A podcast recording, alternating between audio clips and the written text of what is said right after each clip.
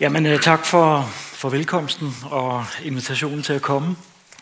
Øhm, det har jeg glædet mig til, og øh, det har også været spændende at, at arbejde lidt med, med forberedelsen her. Øh, det jeg vil gøre i aften, øh, det er jo at, at vælge lidt ud, hvad jeg siger noget om i kapitel 3. Der er så meget, øh, man kunne sige noget om. Øh, og nu må vi se, hvor langt vi når. Men jeg håber meget, at I har øh, frimodighed til bare at stille spørgsmål undervejs. Øhm, jeg skal nok øh, prøve at disponere tiden, så der bliver tid til at stille spørgsmål til sidst også. Men, øh, men altså, ræk lige hånden i vejret, hvis I har spørgsmål undervejs, så, så tager vi det bare øh, løbende. Det, som øh, jeg også vil gøre, det er ikke bare at holde mig til kapitel 3, men prøve at sætte øh, kapitel 3 i første Mosebog lidt ind i øh, den store bibelske fortælling og trække nogle tråde fra de temaer, vi skal se på, til, til resten af Bibelen, og øh, håber jeg også til øh, det, der er relevant for, for vores øh, kristenliv. Men for lige at at starte et sted, øh, eller starte der, hvor, hvor I sådan set er startet, fordi jeg har jo kunne forstå, at øh, I har gennemgået kapitel 1 og 2 øh, på et tidspunkt øh, tidligere. Så er baggrunden for kapitel 3 jo øh, menneskets oprindelige virkelighed i, i det paradis, hvor, øh, hvor alt var godt, og øh, hvor Gud glædede sig over det skaberværk, som øh, han havde skabt.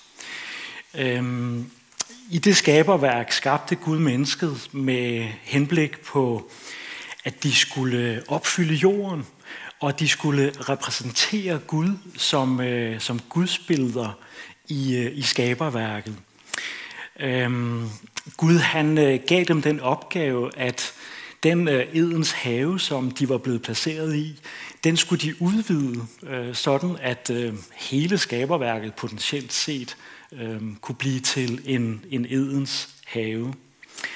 Øh, Gud han gav også mennesket evigt liv, eller i hvert fald mulighed for evigt liv. Øhm, og øhm, øhm, han øh, satte nogle grænser i edens have i det første skaberværk, som gør, at, øh, at jeg samtidig omtaler edens have Øhm, det skaberværk, de første mennesker fik lov til at leve i som, som grænselandet. Øhm, der var både nogle øh, fysiske grænser. Edens have var et, øh, et, et, øh, et sted, der var afgrænset rent geografisk. Og så var der nogle åndelige grænser for, øhm, hvad de første mennesker skulle være og gøre. Øhm, vi hører om livets træ, vi hører om træet til kundskab om godt og ondt. Og øh, som jeg forstår de to træer, så står de som, øh, som synlige symboler på det, som alene tilkommer Gud, nemlig at skabe liv. Mennesket skulle øh, repræsentere Gud, men øh, Gud alene er skaberen. Øhm, og træet til kundskab om godt og ondt symboliserede Guds ret til at definere, hvad der var godt og hvad der var ondt.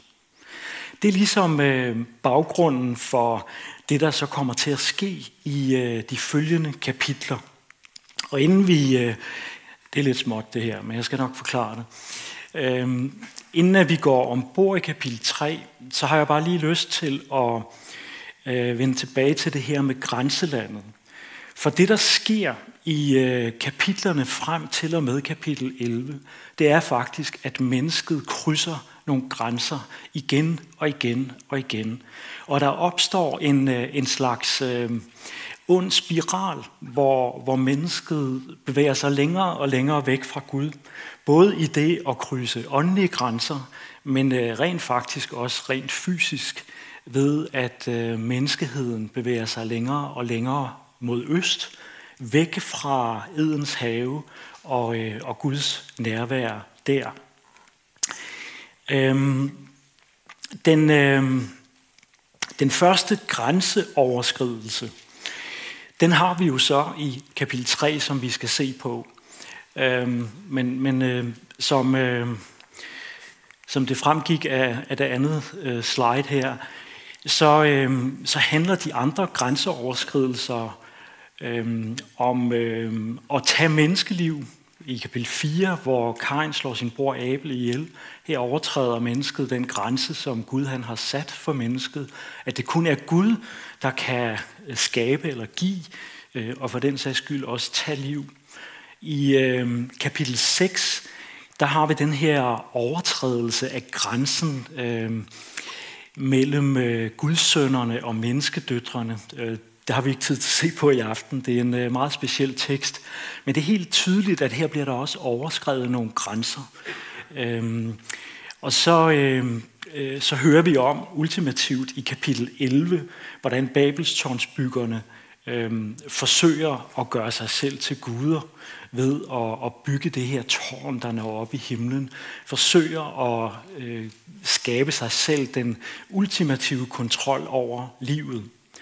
Så øh, fra kapitel 3 og frem til kapitel 11 i øh, første Mosebog, der har vi øh, den ene grænse, der bliver brudt efter den anden af de gode grænser, som Gud han havde skabt for mennesket, og som gjorde, at mennesket oprindeligt oplevede det gode og det velsignede liv. Øhm, lad os øh, kaste os over kapitel 3. Øhm, slangen var det snedigste af alle de vilde dyr, Gud Herren havde skabt. Og den spurgte kvinden, har Gud virkelig sagt, at I ikke må spise af træerne i haven? Øhm, kvinden svarede slangen, vi må gerne spise af frugten på træerne i haven, men frugten på det træ, der står midt i haven, har Gud sagt, at vi ikke må spise af og ikke røre ved, for ellers skal vi dø. Øhm, men slangen sagde til kvinden, hvis skal I ikke dø, men Gud ved, at den dag I spiser af den, bliver jeres øjne åbne, så I bliver som Gud og kan kende godt og ondt. Kvinden så, at træet var godt at spise af og tiltrækkende at se på, og at det også var godt at få indsigt af, og hun tog af frugten og spiste. Hun gav den også til sin mand, der var hos hende, og han spiste. Vi skal se lidt på øh, nogle af de ting, som jeg har markeret øh, med gult her. Og øh, først lidt om, øh, om slangen. Øh, hvem er slangen? Hvad er slangen? Øh, jeg tror, der er mange, der har spekuleret over præcis, hvor, hvordan man skal forstå det her med, med slangen. Øh, Øh, var det en virkelig slange, der talte, øh, eller hvordan? Det, som øh, vi i hvert fald kan sige, når vi læser lidt videre i Bibelen, det er, at slangen bare er et af de navne, der bruges på Guds modstandere. Årsagen til, at det onde kommer ind i menneskets verden, og at vi oplever verden sådan, som vi gør nu. I øh, Esajas' bog, der bliver Guds modstander både kaldt slangen og dragen. Øhm, og vi hører i andre tekster den samme person eller virkelig, virkelighed øh, kaldt for Satan og djævlen. Så øh, vi får en række forskellige navne på den samme. Øhm, og i alle tilfælde så handler det om en, der er fjendtlig indstillet over for Gud, som har gjort oprør imod Gud, øhm, og som er årsag til, at det onde kommer ind i verden.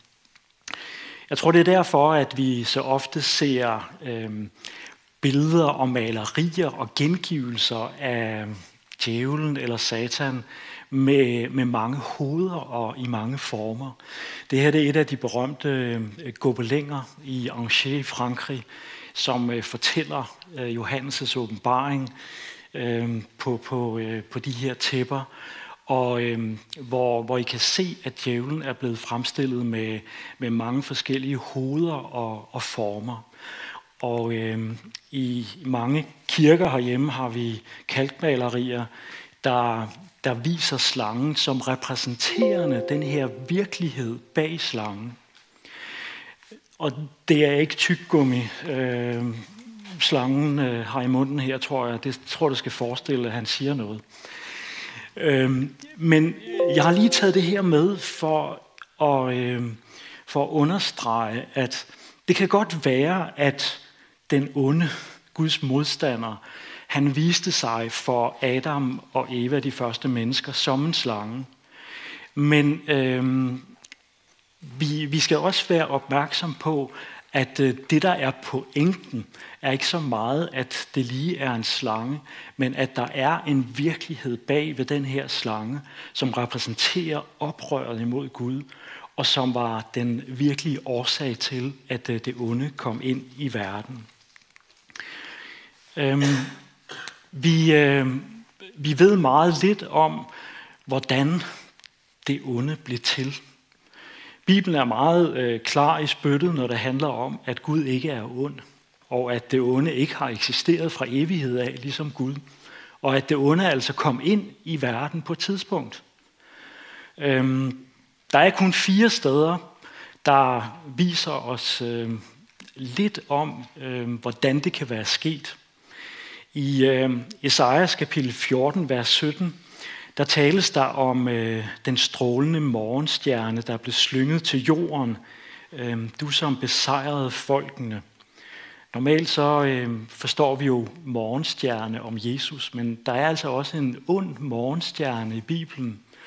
Øh, og øh, det Esajas han refererer til er formentlig det, som, som Jesus taler om i Lukas evangeliet, når han siger til sine disciple, at jeg så Satan falde ned fra himlen som et lyn. Og der er to andre tekster i øh, Jobs bog og i åbenbaringsbogen, der, der siger noget af det samme.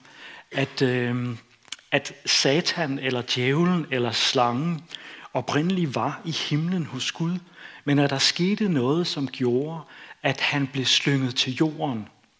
Og at øh, årsagen til, at han blev slynget til jorden, var et øh, oprør imod Gud. Øhm, det er, hvad vi kan sige om, øh, om slangen på baggrund af det, som Bibelen øh, fortæller os. Men det er altså den virkelighed, mennesket står over for, når, øh, når slangen taler til den, som vi læste lige før. Øhm, Kvinden så, at træet var godt at spise af og tiltrækkende at se på. Øhm, vi skal se lidt på øhm, øhm, det, jeg har kaldt faldets anatomi. Altså noget af det, der kendetegner ikke bare det første syndefald, men som viser os noget om, hvad er det for mekanismer, øh, der er i spil, når vi falder. Jeg skal vende tilbage til det her med det første fald og vores fald. Men, øh, men der, er noget, der er en fællesnævner for, for det at falde i synd, som jeg tror, vi møder her første gang, og som, øh, som det kan være utrolig godt for os at, at være opmærksom på. Øhm, kvinden så, at træet var godt at spise af og tiltrækkende at se på. Øhm, det, som styre øh, kvindens, de første menneskers øh, handlinger i forbindelse med syndefaldet, altså overtrædelsen af den grænse, som Gud havde sat for den, øh, det er, at øh, der er noget, som for en umiddelbar betragtning ser tillokkende og tiltrækkende ud. Øh, synet øh, får kvinden til at gøre det her. Og det, at, øh, at vores syn, altså vores øh, syns sans, kan få os til at gøre noget, det tror jeg, vi, øh, vi kender ganske udmærket.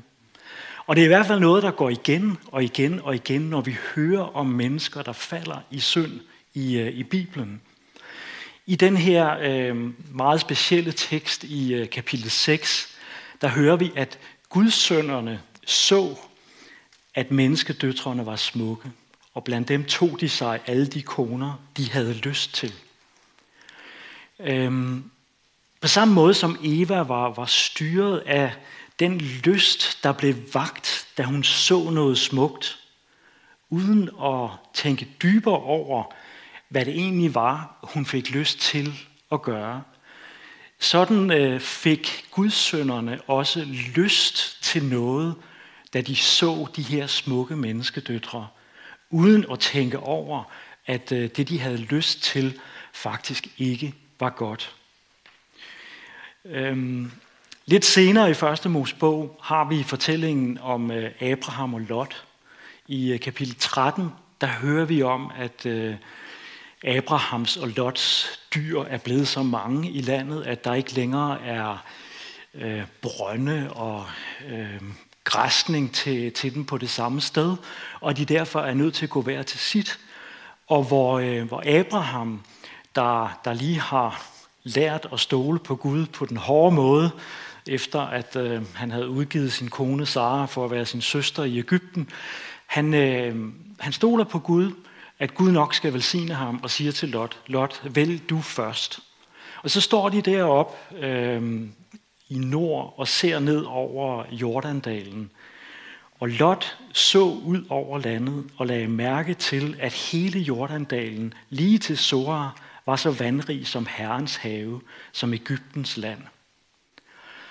Og øh, Lot han vælger den her vandrige have, det der for en umiddelbar betragtning ser øh, utrolig godt ud. Øh, der var jo masser af vand til dyrene, der var frodighed, der var græs, der var føde osv. Og øh, som, vi, som vi ved, så var det lige præcis i det område, Sodoma og Gomorra lå. Og Lot, han lader sig altså også styre af sine umiddelbare behov, uden at tænke på, om det han får lyst til, når han ser det her, nu også er godt og er under Herrens velsignelse. Gud har jo sagt til Abraham, at øh, jeg vil give dig det land, som jeg viser dig. Ikke det, som du får øje på. Øhm, og Lot han gjorde det modsatte her. Han øh, tog det land, som han fik øje på, og ikke det land, som Gud viste ham. Lidt senere igen i det gamle Israels historie, øhm, så har vi episoden med, med øh, israelitterne, der erobrer Jericho og de første byer, og hvor øh, øh, soldaterne på, på et tidligt tidspunkt øh, tager noget bytte, som de af Gud har fået at vide, de ikke må beholde. Øhm, og Akan han skjuler noget af det her bytte i sit øh, telt.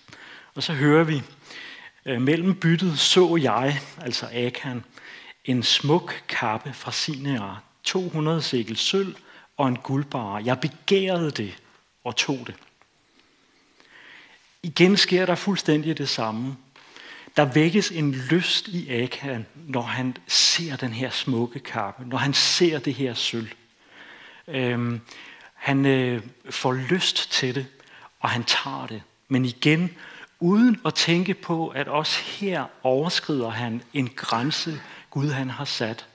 Uden at tænke på, at det, som han begærede og fik lyst til, faktisk ikke var af det gode. Og så hører vi jo i øh, Nytestamentet, i øh, 1. Johannes' brev, øh, det her øh, sat på, på lidt andre ord. For alt det, som er i verden, kødets lyst og øjnenes lyst, og pral med jordisk gods, er ikke af faderen, men af verden.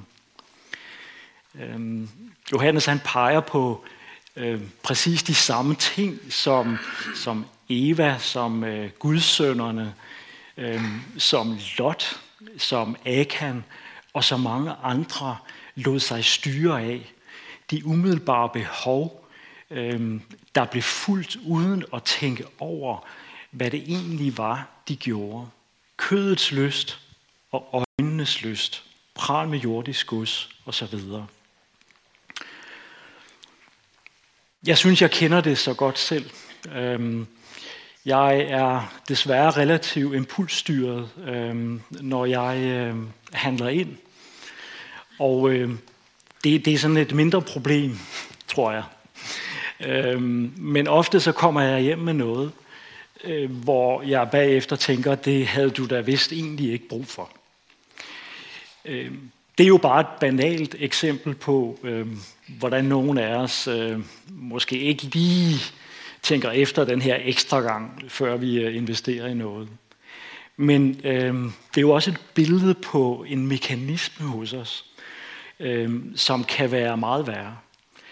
For øh, når det handler om at øh, få lyst til en andens kone, få lyst til en andens penge, få lyst til en andens tid, øhm, og overskride de grænser, Gud han har sat øhm, for, hvad han kan velsigne og hvad der er godt, så har det jo helt, helt andre konsekvenser i vores liv, end øh, hvis vi lige får en, øh, en kokjo for meget med hjem fra, øh, fra brusen, eller øh, hvad det nu måtte være. Og, øh, og her møder vi altså i syndefaldsberetningen den første beskrivelse af den mekanisme, som siden de første menneskers tid har, øh, har bragt det onde med sig, har taget velsignelsen fra mennesker, og som, som også tager velsignelsen fra os. Og, øh, øh, og det tror jeg er en af, af de første ting, som, som vi skal lægge mærke til i, øh, i teksten. Øhm, der åbnedes deres øjne, og de opdagede, at de var nøgne. Og derfor syede de finblade sammen og bandt dem om livet. Og ved aftenstid hørte de Gud Herren gå rundt i haven. Der gemte Adam og hans kvinde sig for Gud Herren mellem havens træer. Gud Herren kaldte på Adam, hvor er du? Og han svarede, jeg hørte dig i haven og blev bange, fordi jeg er nøgen, og så gemte jeg mig. Han spurgte, hvem har fortalt dig, at du er nøgen? Har du spist af det træ, jeg forbød dig at spise af? Adam svarede, kvinden du satte hos mig og gav mig, gav mig af træet, og så spiste jeg. Gud Herren spurgte så kvinden, hvad er det, du har gjort? Hun svarede, slangen forledte mig til at spise. Øhm. Det første, som, øh, øh, som vi får at vide, sker efter, at, at Eva og efterfølgende Adam, altså de første mennesker, har givet efter for deres øh, lyst. Øh, det, som de lige umiddelbart øh, havde lyst til at blive fristet til og begære, det var, at deres øjne åbnedes. Og det er jo indlysende, at de kunne godt se før øh, det her det skete. Øh, men øh, der er jo tale om deres indre øjne, eller hvordan vi lige skal formulere det. De bliver klar over, at øh, der er mere end øh, det, man lige umiddelbart kan se. Altså, at det de gjorde, da de tog af frugten og overtrådte den her grænse, Gud havde sat, øh, førte mere med sig end bare den øh, frugt, som deres øjne kunne se på og få lyst til at begære. Øhm, de blev klar over, at de var nøgne. Jeg tror ikke, vi skal forstå øh, nøgne i, øh, i fysisk øh, forstand. Det kan godt være, at øh, det også var det, men øh, jeg, jeg er ret overbevist om, at det her med at være nøgen, det indebærer, at man øh, kan stå over for hinanden uden at skjule sig, uden at dække sig til, uden at have en facade på, uden at forsøge at forstille sig. Og det galt jo både over for Gud og over for hinanden. Øhm, I kapitel 2, i øh, paradiset i Edens have, der, øh, der var der ikke nogen barriere eller facader eller forstillelse i øh, Adam og Evas relation til Gud. Øhm, Gud han vandrede i haven med dem. Øhm, de havde adgang til øh, Guds nærvær i haven. Og øh, der var ingen facade, der var ingen øh, forstillelse i deres relation til hinanden som mand og kvinde. Men nu åbnes deres øjne, så de bliver klar over, at øh, det de har gjort, det har altså fået nogle konsekvenser. Og hvis vi lige skruer lidt tilbage, så, øh, så sagde slangen jo øh, til Adam og Eva, Øhm, hvis I spiser af frugten øh, på det her træ, øh, så bliver I som Gud. Og øh, det var jo træet til kundskab om godt og ondt. Og øh, det handlede jo om, at øh, de overskred den grænse, som Gud havde sat, og som betød, at det kun var Gud, der kunne definere, hvad der var godt og hvad der var ondt. Og ved at øh, krænke det øh, bud og overskride den grænse, jamen så blev mennesket jo som Gud selv. De blev guder i deres eget liv. De blev selvbestemmende. De overtog kontrollen og øh, insisterede på selv at ville bestemme, hvad der var godt og ondt. Og konsekvensen var, at de blev klar over, at øh, det havde ødelagt alt. Det havde ødelagt deres relation til Gud og til hinanden. Øh, de øh, oplevede skam og skyld. Skam over det, de havde gjort, da Gud han kom til dem og kaldte på dem. Øh, en skam, der betød, at de gemte sig. De havde simpelthen brug for en barriere mellem dem selv og Gud på grund af det, de havde gjort. Det var de klar over. Øhm, de oplevede skyld over det. De var skyldbetyngede. Og øh, ikke nok med det, da Gud så konfronterede dem med, hvad de havde gjort, øh, så begyndte de at skyde skylden på andre. Kvinden på manden, manden øh, eller manden på kvinden og, og kvinden på slangen osv. De samme mekanismer er i spil, når, øh, når vi giver efter for den lyst og det begær, vi umiddelbart oplever, uden at tænke over, om øh, vores valg overskrider nogle grænser og krænker det, som Gud han har sat som rammen om det gode liv. Øhm, når, vi, når vi gør sådanne ting, så oplever vi også, at vi er nøgne. At øh, vi har brug for at tage en facade på, har brug for en barriere, både øh, mellem os og Gud, fordi vi ved godt, at vi øh, står til ansvar over for ham og har gjort noget forkert. Øh, vi skammer os over det. Øhm, men også over for hinanden. Øhm, det tydeligste tegn på det her, det er jo, at øh, det er rigtig, rigtig svært at se et andet menneske i øjnene, hvis man ved, at man har gjort noget forkert over for det menneske. Det tror jeg, vi alle sammen kender. Øhm, og alene den barriere øhm, viser os jo, at øh, det er ubehageligt at stå nøgen, så at sige, over for et andet menneske, når vi har syndet over for det. Og det er skæbnesvangert at stå nøgen over for Gud, når man har syndet over for ham.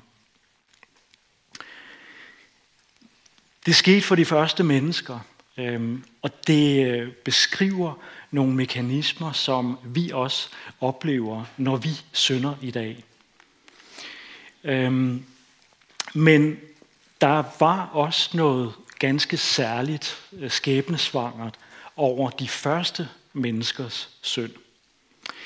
Øhm, hvis øh, vi læser videre i kapitel 5, så står der, at øh, dette er Adams slægtsbog. Dengang Gud skabte mennesket, skabte han det, så det lignede ham.